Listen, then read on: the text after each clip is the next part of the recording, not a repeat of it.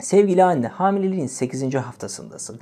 Gebelikte 8. haftada yeni gelişmeler neler diye merak ediyorsun farkındayım. Bakalım 8 haftalık gebelikte seni ve bebeğini neler bekliyor? Hamileliğin 8. haftasında bebeğin boyu yaklaşık 15-16 mm. Bir ahududu veya küçük bir boy çilek kadardır. Ağırlığı ise 2-3 gramdır. 8 haftalık gebelikte bebeğiniz embriyodan fetüse geçişini tamamlamak üzere ve büyüme hızı son 2 haftada 4 katına çıktı. Kemik yapısı henüz kıkırdak doku şeklindedir. El ve ayak parmakları oluştu ama hala tam olarak birbirinden ayrışmadı ve boyları da çok kısa. Bileği, dirseği ve diz eklemleri görünür şekildedir. 8 haftalık bebekte yüzdeki ayrıntılar daha da belirgin gelişmeye devam ediyor. Burun, dudaklar ve kulaklar daha da belirginleşiyor. Göz kapakları neredeyse son şeklini alacak.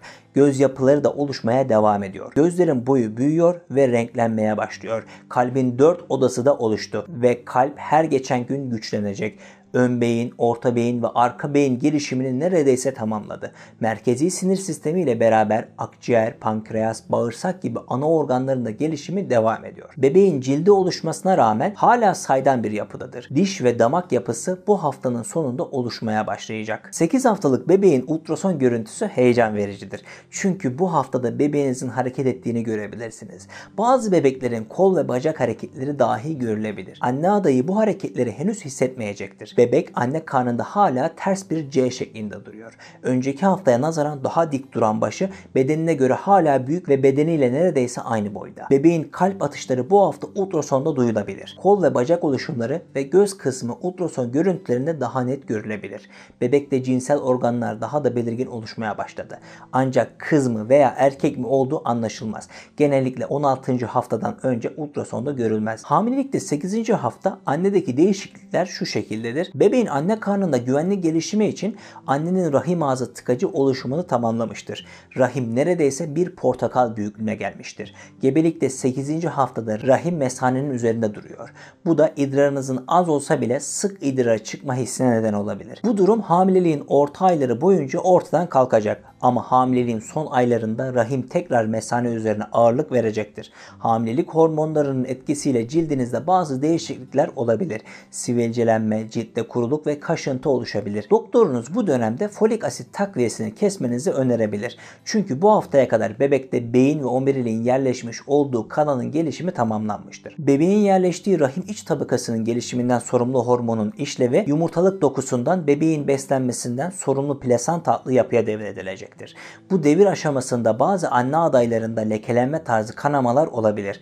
Ayrıca 8. haftada regil döneminize denk gelen tarihlerde regil sancılarına benzeyen kramp tarzı ağrılarınız ve bazen lekelenme tarzı bir kanama bile olabilir. Her ne kadar bazı gebeler için bu durum olağan bile olsa 8 haftalık gebelikte kanama ile karşılaşırsanız vakit kaybetmeden doktorunuza durumu bildirmeyi ihmal etmeyin. Hamilelik belirtileri arasında bir önceki haftalarda görülen yorgunluk hissi, aşırı uyku isteği, sık idrar yapma isteği, meme bölgesine şişkinlik, sızı ve hassasiyet görülür. Beliniz kalınlaşmaya başlar. Baş ağrılarınız olabilir. Bunun en önemli sebebinin vücutta artan kan hacmi olduğu belirtilir. Mide bulantısı devam edebilir. Mide yanması ve sindirim güçlük çekmeye başlayabilirsiniz.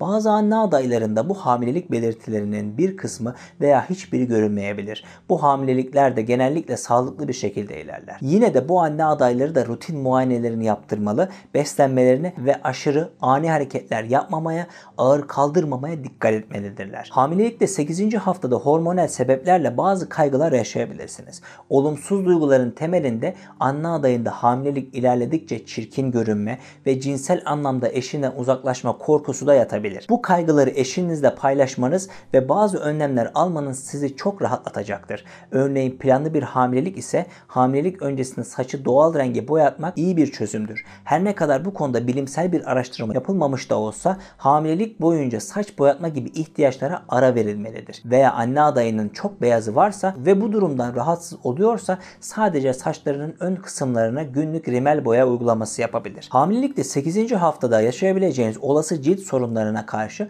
şu önlemleri alabilirsiniz.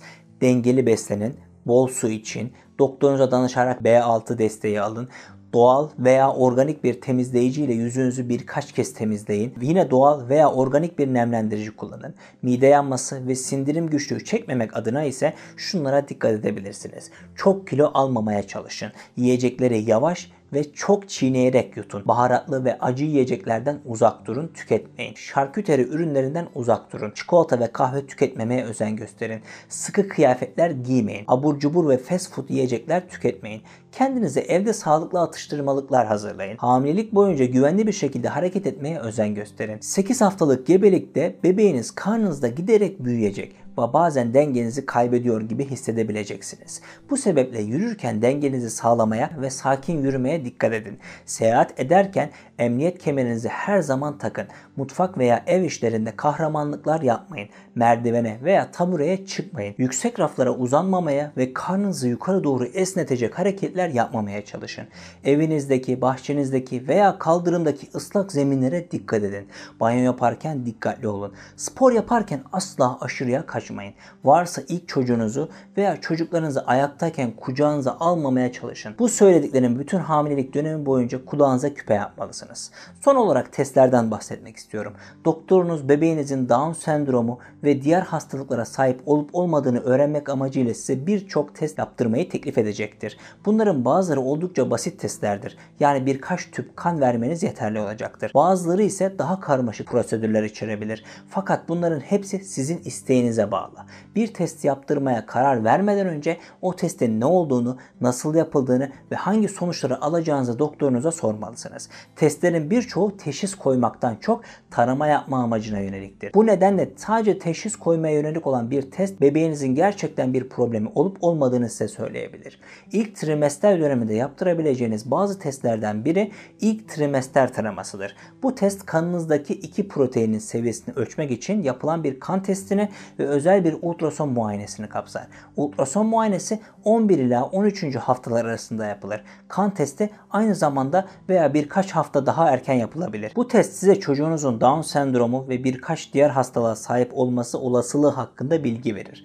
Her ne kadar test teşhis koymak amacıyla yapılmasa da hiçbir risk taşımamaktadır ve daha riskli olan fakat teşhis koyma amacıyla yapılan diğer testleri yaptırıp yaptırmayacağınıza karar vermekte yardımcı olabilir. Bahsedeceğim başka bir test NIPT testi 10 haftalık hamilelikten itibaren veya daha sonrasında Down sendromunu ve diğer genetik hastalıkları teşhis edebilen alternatif bir kan testidir.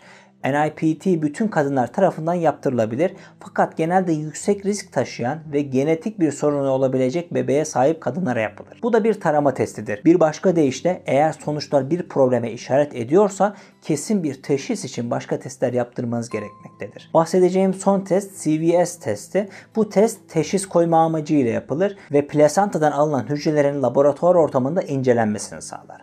Test sonucuna bakılarak bebeğinizin yüzlerce genetik bozukluktan birine sahip olup olmadığı tespit edilir. İlk trimester döneminde ve genelde 10 ila 12. haftalar arasında yapılır. Bu nedenle hamileliğin 16 ila 20. haftalar arasında yapılan bir başka testin erken versiyonu olarak görülebilir. Testler bu kadardı. 8. haftayı da geride bıraktık. Beni dinlediğiniz için teşekkür ederim. Bizleri YouTube ve Instagram gibi diğer sosyal medya platformlarında takip edebilirsiniz. Bir sonraki görüşmemize dek sevgiyle kalın.